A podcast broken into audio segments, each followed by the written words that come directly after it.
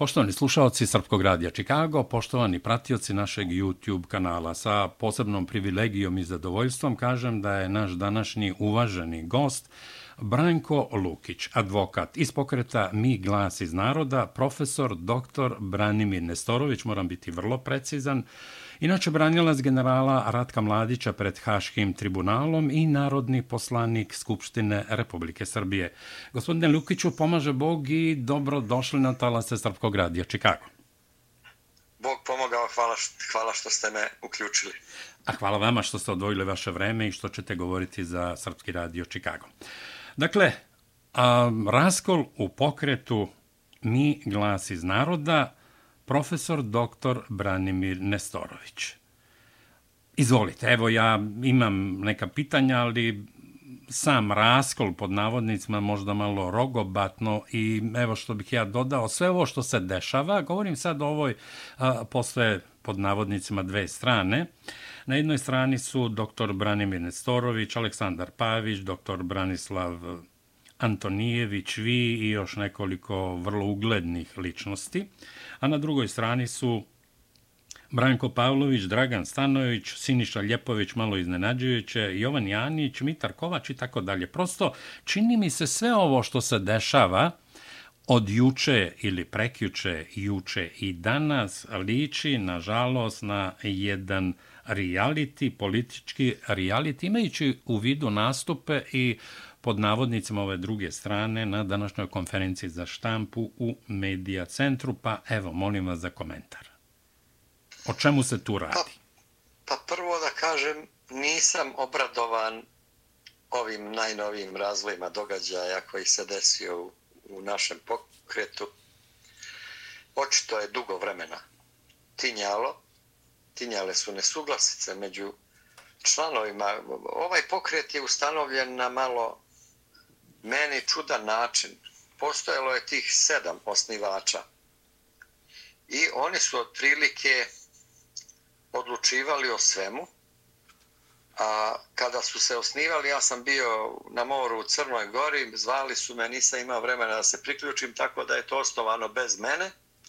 A ja sam onda nekako ušao u taj drugi ešalon, pošto je još pet ljudi pridodato toj sedmorki, bilo nas je dvanaest. E, bilo im je potrebno deset ovde u, u Srbiji, potrebno je deset ljudi da potpiše sporazum da bi se osnovala grupa građana. A da bi se osnovala politička stranka, treba deset hiljada potpisa. Nije se imalo vremena za skupljanje potpisa za osnivanje stranke, pa se odlučilo da se osnuje grupa građana i na taj način je napravljen ovaj naš pokret. Tih sedam prvobitnih je otprilike diskutovalo, odlučivalo i nakon izbora su pridodali i nas četvoro. Pošto je već tada Jerković, koji je bio nosilac liste za Beograd, pokazao se da nije lojalan pokretu i, i nije pozivan na sastanke. Jedan mjesec dana sam ja učestvovao na tim sastancima i video sam da je to jedno onako samoupravljanje koje nije uopšte efikasno. Prošli smo, koji smo živeli na ovim prostorima kroz to, taj, tu tako fazu je, tako je. socijalističkog društva koji je nije vodilo ničemu i urušilo se.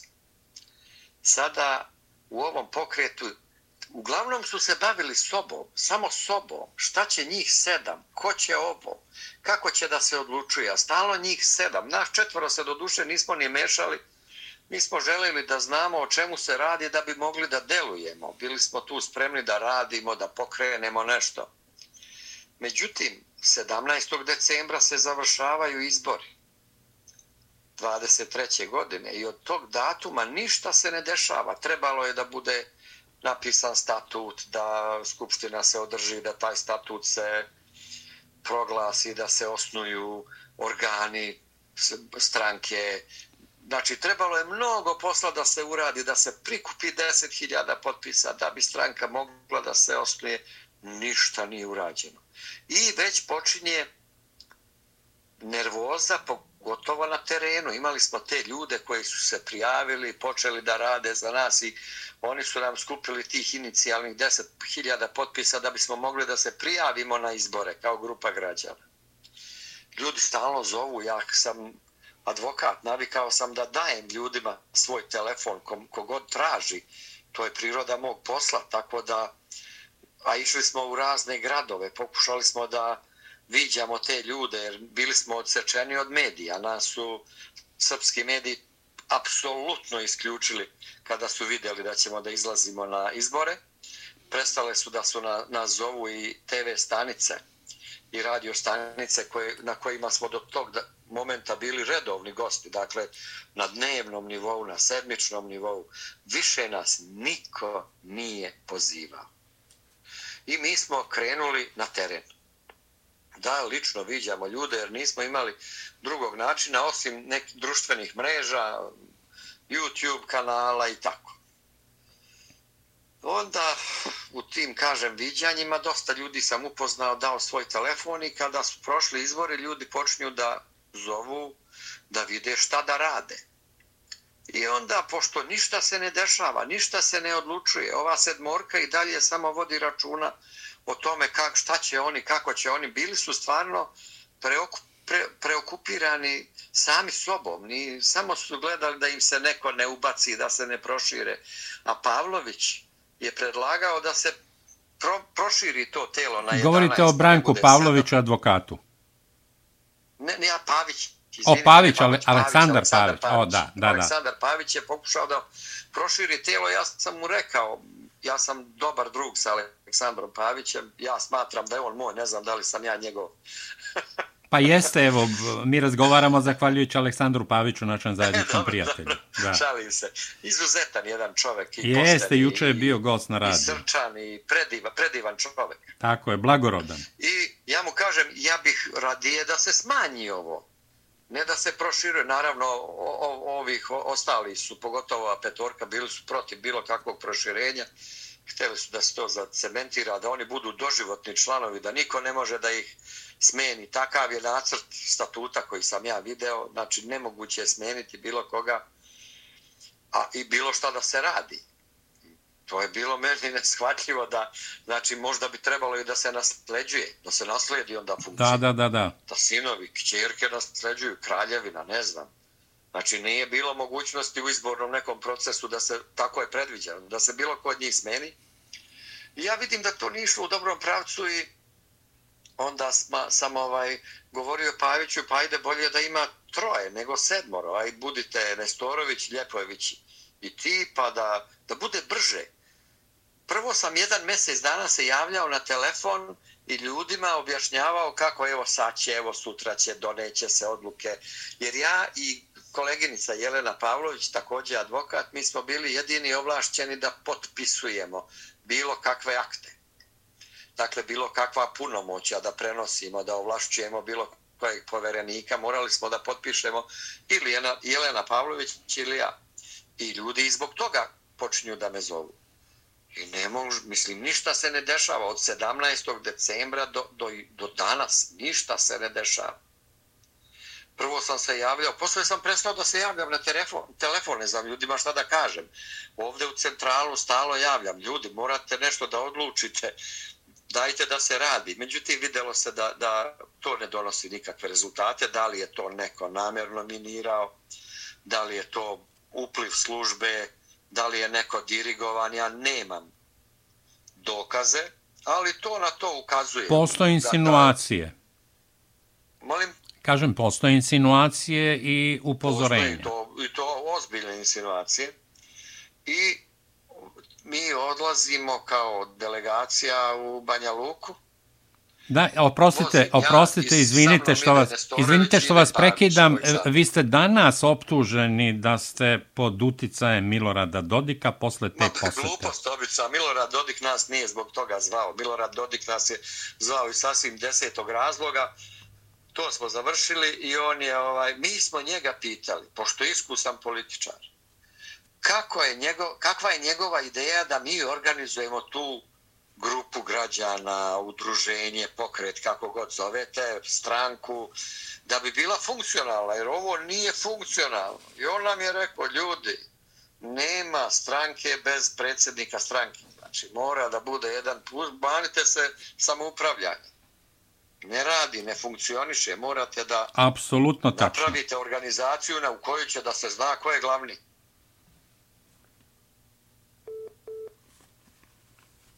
Da, evo razgovaramo sa Brankom. Bez toga, izvinite neki poziv, da. bez toga nećete da budete funkcionalni.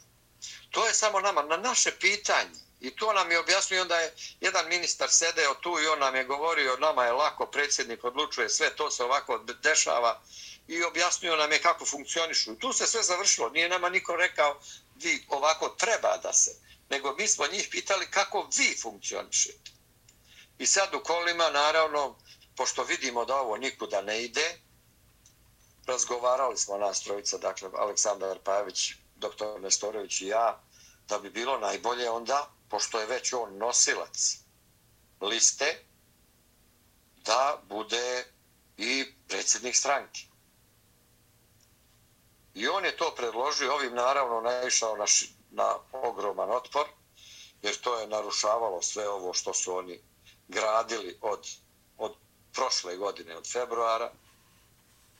Pavić je podržao Nestorovića i podržao ga je i Ljepojević da on bude predsjednik i da se na tom principu ustroji. Međutim, ostala četvorica su bili protiv i ovi ljudi kad su vidjeli da tu u toj žabokrečini ništa neće da se promijeni, odlučili su da izađu i da naprave nešto što funkcioniše. Da, oprostite, je... Branko, oprostite, molim vas što vas prekidam. A, jučerašnje saopštenje i ono što je naš zajednički prijatelj Aleksandar Pavić juče rekao u intervju za Srpski radio Čikago je da on i Nestorović nisu napustili pokret. Pa oni ne mogu da napuste, to je Nestorović pa, pokret. Pa, pa, da. Kako možeš da napustiš svoju kuću? je dobro. Da. On, ovi smatraju da su oni napustili. Oni su napustili sastanak. Tako je, da. Ali, ali sad razgovaramo mi, pošto sam, kažem, ja sam izbačen. Ja sam u Crnoj Gori, nisam uopšte učestvovao ovih dana ni u kakvim... A izvinite, ko vas je izbacio? Stanojević. Ovaj, Dragan Stanojević.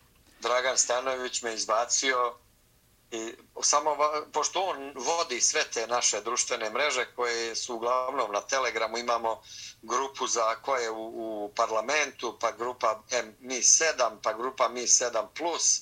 ima tu raznih grupa i ja sam bio član dosta tih grupa, zavisno od toga kakva su ovaj zaduženja u, u pok, mi pokretu uh, glas iz naroda i samo sam video da sam sa svih obrisan nemam pristup ničemu. Da, gospodine Lukiću, dakle, kada... kada... mene da isključi, a mene nisu ni pitali sa kime bih ja to išao dalje. Da, da, da. Sa, oprostite što vas prekidam ponovo. A, dakle, kada je u pitanju Dragan Stanojević, mnogi upozoravaju i, i danas a, da je on u stvari uzrok tog velikog raskola, imajući u vidu, kako kažu, njegov lik i delo. Znate šta, ja sam Dragana Stanojevića upoznao kroz neka gostovanja na, na ovim emisijama koje su se bavile ukrajinskim ratom. Ja sam ovaj čoveka tu, to su bili letimični susreti. Jednom smo bili zajedno na, na nekoj večeri. Razgovarali, mislim, ja ne znam njega, nemam ja informacije. Ja nisam se nikada bavio politikom. Ljude da. gledam uvek otvoreno nisam, nemam nikad zadnje misli, čak je i on me pitao, mada sam preko Pavića ja već pristao da, da priključim se tom pokretu, on me pitao i lično i on, da li bi ti došao da budeš s nama, ja sam mu rekao, jesam, ne brini, tu sam, radimo, idemo dalje, organizujemo se. Dakle, nisam imao nikakvih problema sa njim, mada sam video da on najviše insistira na zatvorenosti te grupe od sedam ljudi i ne dozvoljava da se uopšte raspravlja u tome, najviše da bi sebe zaštitio. Sad ja ne znam da li je to zbog lične promocije ili je to zato što instaliram pa da ne može niko da ga makne odatle. Kažem, nemam imam insinuacije, ali nemam dokaz. A ja kao advokat ne volim bez dokaza da razgovaram. tako je. Mnogo je to ovaj šuplja, ali u jednom momentu se pojavila potreba da mi imamo knjigovoću, da bi predali neke račune, jer imali smo troškove tog, tokom kampanje koje smo sve finansirali iz svog džepa i sad trebamo da pokušamo da naplatimo od države to što može da se naplati, dosta nije moglo ni da se naplati. Pitaju me da li ja imam nekog knjigovođu, ja kažem imam od moje supruge, brat ima veliko preduzeće, dakle nije agencija nego firma, preduzeće knjigovodstveno. Ja kažem, mogu šuri da pitam da nam to uradi. I dajem te papire šuri i kasnije mi Stanović kaže ja ću to da nastavim, nemoj ti više tu da se uplićeš. I on nastavlja, ja sam pravo da vam kažem, obradovao se, ne razumem se u tu oblast prava, u financije. Jedva sam dočekao da mi se kaže da ne moram oko toga ništa da radim, imao sam drugih zaduženja. I jednog dana šura mi, ja kažem šta se dešava, nazovemo se, čujemo se, rodbina smo, izađemo mi nas dvojica, popijemo kafu. Tako je, da. Kaže on, ja, ja ne smijem da ti kažem ništa, rekao mi je Stanović da tebi ne otkrivam nikakve podatke. Pa meni to sad čudno. čudno, ja sam da. čovek koji potpisuje, razumijete, ja potpisujem, a meni da se ne govori šta se dešava. Kažem, ne može tako. Ja sam, ja potpisujem, ne, može, ne mogu da ne znam o čemu se radi. Ja sam obovlašćeno lica da potpisujem stvari. I onda mi, na moje insistiranje kažem, ti moraš da mi kažeš čoveče. Ne možeš tako, čuj tebi Dragan Stanojević naložio da ti ne kažem, da mi ne kažeš i ti sad ne kažeš. I on je meni rekao, pa znaš, tražio mi je da mu izvadim neke pare, da ja to nisam pristao, onda me on pritiskao za manji iznos i tako je bilo. Ja to prenesem ovim ljudima, mislim, dajte ljudi da se ne prljamo, nismo ni počeli, a već treba da ulazimo u neke kriminalne radnje, to mi u životu ne treba, mislim. Se o život radim sa, sa zakonom i problemima u zakonu, sad trebam sebi na, na leđa da natovarim neki problem. Nisam pristao na to i Šura nije pristao na to, vrstan knjigovođa, mislim, kažem, ima preko sto stranih firmi. To nije mala stvar u Srbiji. Tako je, tako je. I on, ovaj, kažem, i onda Stanojević mu da, daje nalog da povuče te fakture koje je izdao, da, da to povuče, jer se tu vidi da je on nešto nepravilno radio, što je Šura samo obradio tehnički.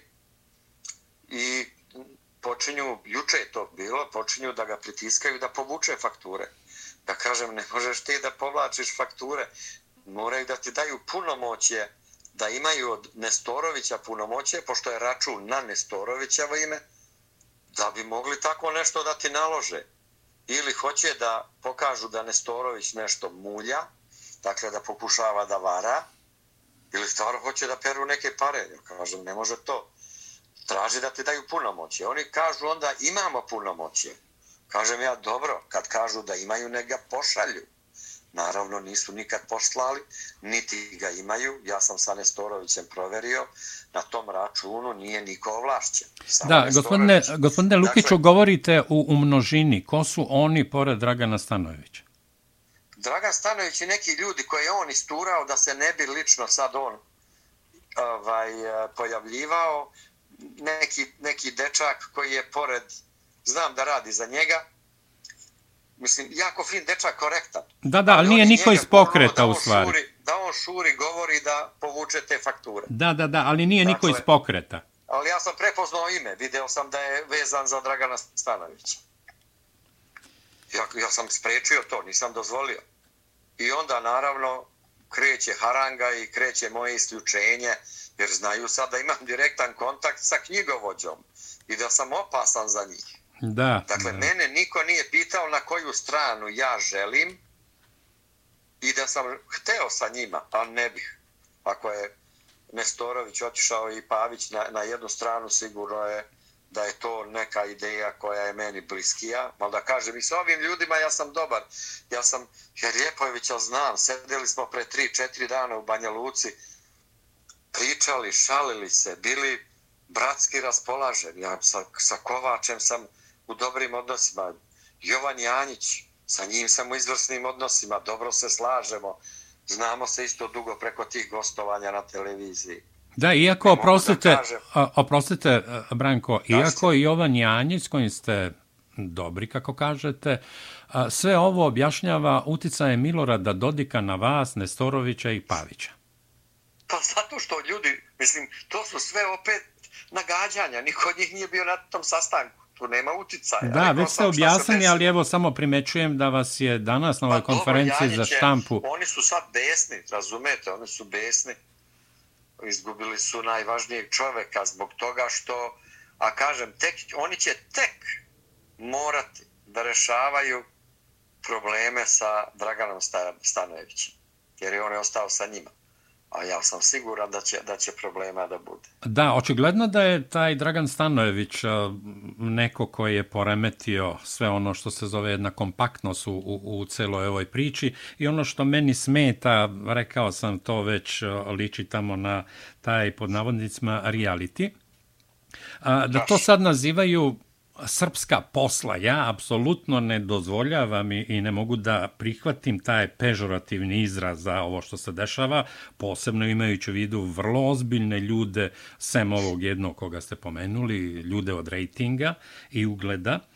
Ali evo ja bih to možda pre nazvao, s obzirom da ovde živim preko 30 godina, američkim poslovima. Napomenut ću samo da je predsjednika Donalda Trumpa izdao potpredsjednik Mike Pence. Svedoci smo svega i svačega u ovoj zemlji, pa bi ja to pre nazvao američkim poslovima, koji su tamo delimično prenešeni. Ne znam da li se slažete.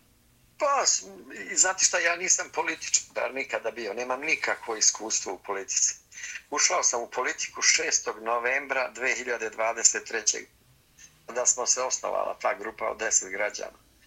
Mislim, nemam, nikada nisam ja prisustvao nečem ovako. Mi kažem, ja kome... Da, naravno, da. I ne, ne može se to zvati nikakvim srpskim poslovima pežorativno, nije, nije, nije na da. mestu. Da, da, da, ne mislim da je, da je srpski posao i da je karakteristično nešto za nas. Naravno, Valjda naravno. to politika nosi, svaka politika, meni je to strano, nisam familijaran sa tom oblašću i verovatno će biti te naivnosti i u buduće sa moje strane. Da. A, molim vas, kako možete da prokomentarišete izjavu Mitra Kovača da je doktor Branimir Nestorović preletač iz pokreta mi iz naroda doktor Branislav Nestorović? Šta to znači? pa eto, sami ste odgovorili pitanje kako može neko od sebe da preleti bilo gde. Čovjek je jednostavno video da to ne funkcioniše i odlučio je da da dovede stvari u red. I naravno ono što, Međutim, što se nije, mora... Nije našao u većini, među većinom njih nije našao pogodno tlo. Pazite, bila su tri glasa. Dakle, samo jedan glas je nedostajao da se sve sačuva. Neko to nije dozvolio. Da. Da je bilo četiri, tri na ovu stranu, nastavilo bi da se radi. Međutim, problemi ti bi se pojavili i dalje bi ostali i neefikasnost i taj taj ovaj upliv možda preko preko nekih nekih službi bi se osetio mislim to bi to bi nas čekalo to raščišćavanje bi čekalo da se desi kad da kada bi se desilo po meni bolje pre nego kasnije a znam da će da budu mnogi ljudi razočarani. Gledao sam i neke poruke ljudi su videli novo svetlo ovaj na kraju tunela, ponadali su se, sad su poljuljani, naravno, nismo ni krenuli, već se razdvajamo, ali jednostavno nije moglo dalje na ovaj način. Eto, stvarno, to je moje iskreno mišljenje da je moralo nešto da se uradi da bi se nešto, bilo šta uradilo. Moralo je nešto da se promeni. Da, gospodine Lukiću, ko bi imao pravo na, na ime, mi glas iz naroda. Ako se već najavljuju, uh, ako se najavljuje već formiranje dve stranke. Jedna pa, koja bi bila... Komplikovano je. Komplikovano je koliko ja znam. Oni su prvo osnovali njih sedam, gdje su stavili tog Stanojevića da bude ovlašćen. Osnovali su udruženje. Mi glas iz naroda. Onda je to udruženje sa ovom grupom građana od deset koje je izašlo na izbore sklopilo ugovor da pozajmljuje to ime.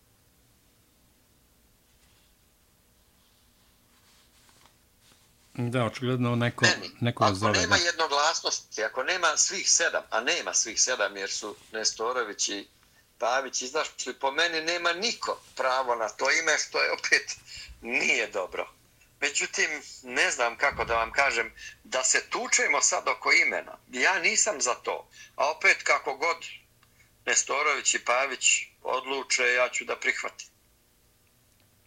Da, ono što, što evo i ovaj e, naš razgovor karakteriše, to je da nema teških reči. Juče je Aleksandar Pavić govorio nekih dvadesetak minuta za Srpski radio Čikago. Nijednog momenta nikog nije uvredio. Bio je vrlo decidan i za ovaj raskol ili ove teške nesuglasice, da budemo možda malo blaži, optužio Dragana Stanojevića i advokata Branka Pavlovića, ali ni jednu tešku reč nije izgovorio, niti evo i vi vrlo odmereno i, i korektno govorite o tim ljudima. Dakle, a sa druge strane se ljudi vređaju.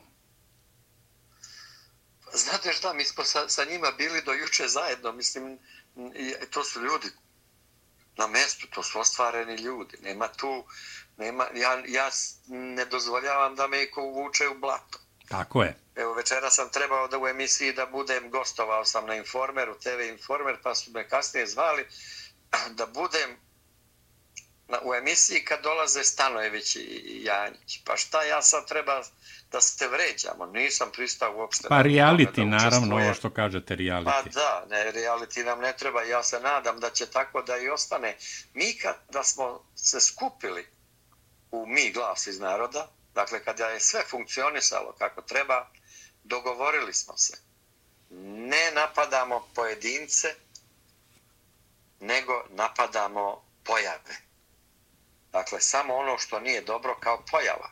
A ne bavimo se pojedincima. Nadam se da ćemo i u ovim kriznim vremenima za sam pokret da zadržimo taj nivo dostojanstva da nikoga, niko nikoga ne vreća. Ako ima neka pojava negativna, može da se iznese, ali nećemo da vređamo pojedince, ljude, nema potrebe za tim. Tako je. Tako je. Kažite mi, gospodine Lukiću, da li je moguće po vama neko, ajte da kažem, političko pomirenje ove dve strane ili već dva krila pokreta mi glas iz naroda? Pa na nekom strateškom nivou ja i dalje smatram da ćemo mi da funkcionišemo u Skupštini sinhrono. Jer to je za sad jedina platforma koju imamo. Podela se desila na tehničkim stvarima kako nešto da se ostvari ili da se ne ostvari. A nije se desila podela na strateškom nivou. Dakle, nema tu porazeći recimo od beogradskih izbora. Sad ni jedna struja ne kaže sad ćemo mi da idemo s Vučićem. Ne ili, ili nećemo da štitimo Kosovo ili ne, mi ćemo i dalje da, ja mislim, zastupamo iste ideje. To je, to je čudno što je uopšte i došlo do podele, nego kažem, ta neefikasnost pardon, ta neefikasnost je dovela do toga da je pokušalo nešto da se popravi,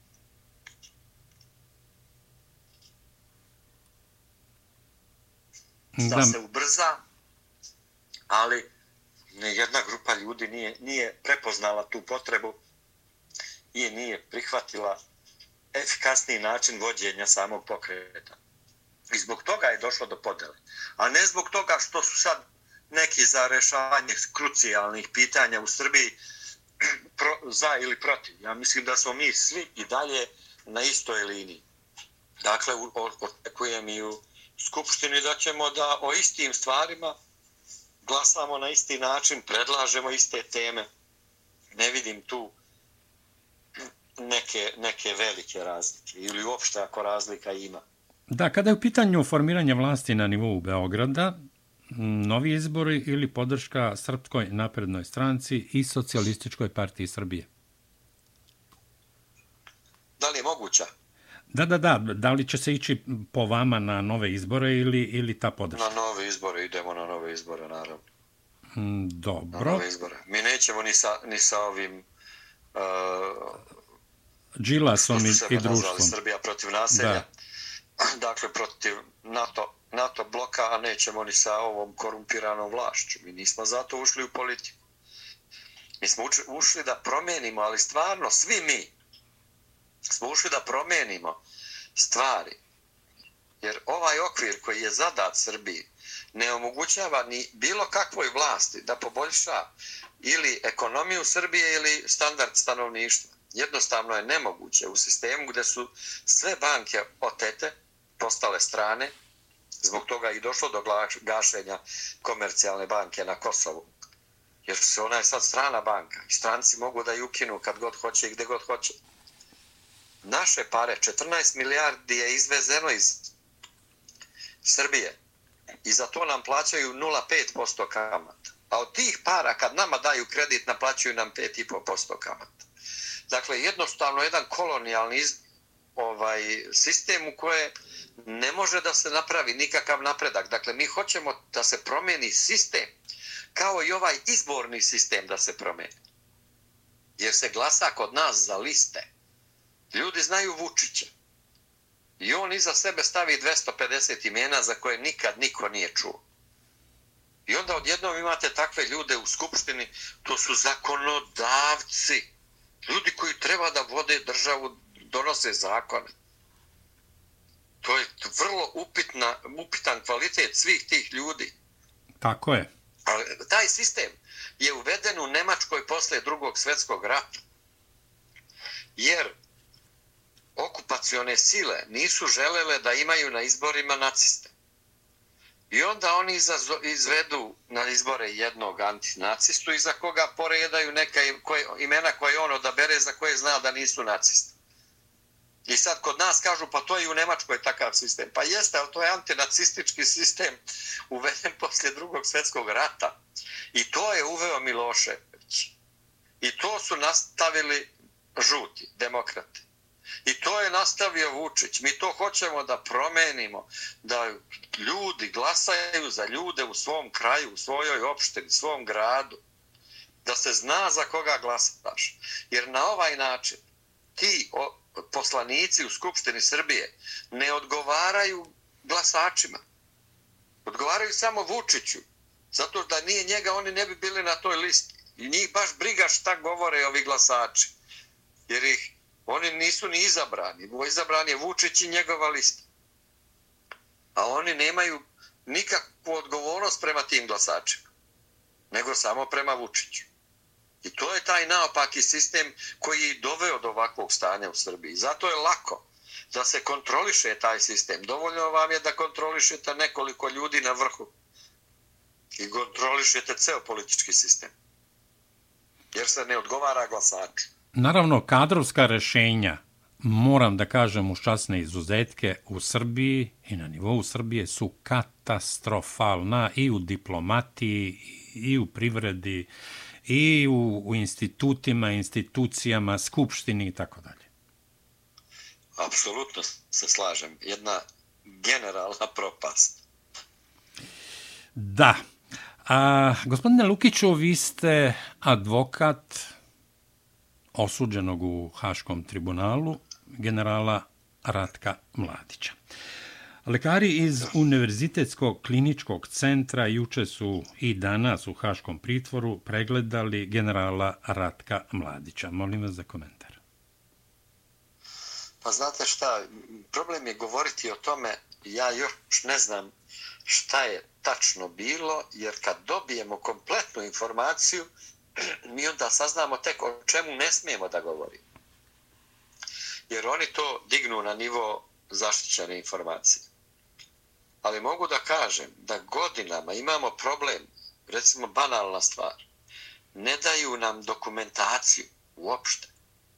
Pa mi onda tu dokumentaciju tražimo, pa po godinu dana prođe dok dobijete dokumentaciju, ona već zastarala. A imaju nalog imaju nalog od suda, dakle ta pritvorska jedinica ima nalog od suda da nam obelodanjuje dokumentaciju svaki mjesec. Oni nam po godinu dana ne daju. I tako da je stalno ta igra mačke i miša.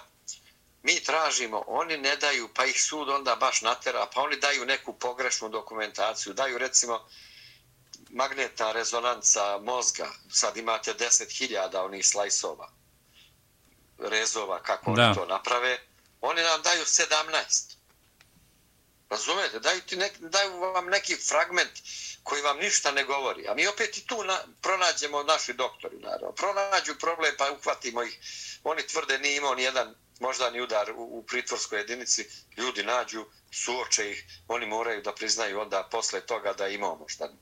Dakle, lažu, kriju. To, to je katastrofa jedna. Borimo se protiv toga godina. Godina. Znam da je vrlo ovaj nedavno bilo je jedna vrlo kritična situacija. Ne znam da li o tome mogu sada da govorim. Vrlo, vrlo je to eh, teško diskutovati o zdravlju generala zato što je dosta informacija zaštićeno, a mi smo potpisali gore da smo obavezni da čuvamo to kao tajnu. Da, da. A, gospodine Lukiću, Valentin Incko, A, nametno je zakon da zakon o zabrani pod navodnicima genocida i veličanje ratnih zločinaca. Vi ste saopštili prošle godine, mislim da je to bilo negde sredinom godine ili krajem godine, da će 100 advokata braniti one koji po tom nametnutom zakonu Inskovom biti optuženi.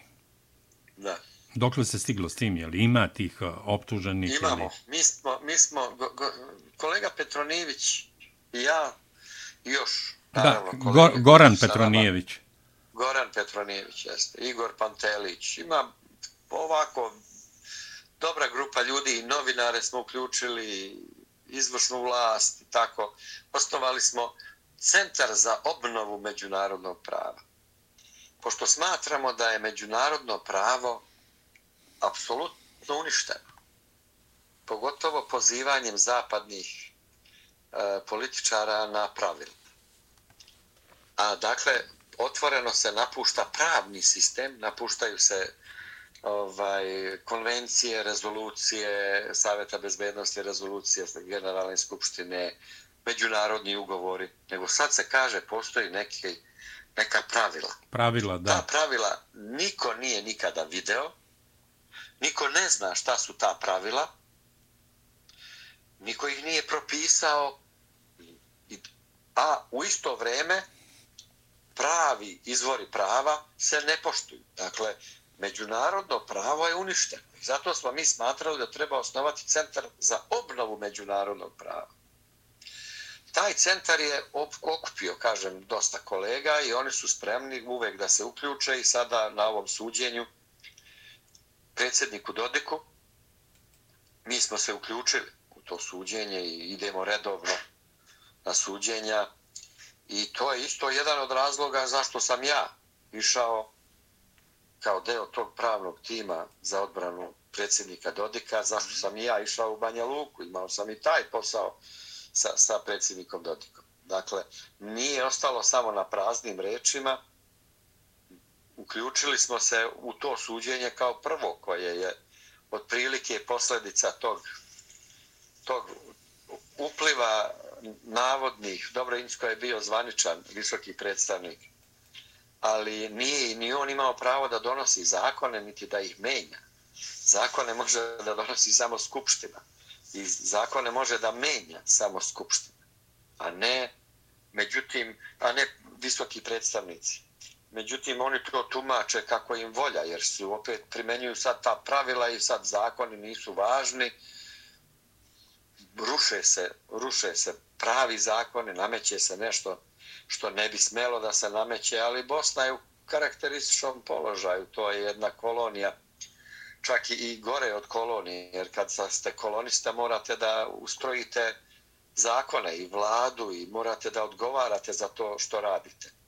A sadašnji predstavnici međunarodne zajednice koji u tome učestvuju mogu da prave haos, nemaju nikakvu odgovornost. Zato i prave haos jer nemaju nikakvu odgovornost. Od Inska pa sada do ovog stvarno nepostojećeg čoveka, mislim, kakav visoki predstavnik Schmidt, Kristijan Schmidt, ušao u Bosnu i Hercegovinu sa nemačkim pasošem, kao nemački diplomat. Pa kako si ti onda predstavnik UN-a? Trebao bi da imaš UN pasoš, je li tako, da budeš UN-ov oficir? Naravno. I tako neke, neke gluposti neviđene. I kažem, uključili smo se, tu smo, ukoliko treba pomoć, ne smatramo, apsolutno, da u Republici Srpskoj ne postoji pravni kapacitet koji može to da iznese. Imao sam priliku da upoznam kolege iz, koji učestvuju u suđenju, Goran Bubić i, i Milkan Pucar, izvrsne kolege, sa Milkanom sam i stari drug. Sta, on je stari krivičar, izvrstan poznavalac, Goran Bubić bio čovek sudija, zna, poznavalac prava. Ali mi smo tu ukoliko treba pomoć i ukoliko treba moralna podrška da se vidi da je Srbija iza predsjednika Dodika. Da, gospodine Lukiću, ako ima nešto što biste rekli, a da vas ja nisam pitao, izvolite. Da li sam odgovorio na pitanje kad ste pitali da li ima mogućnosti da sve ovo ponovo Pa nešto i...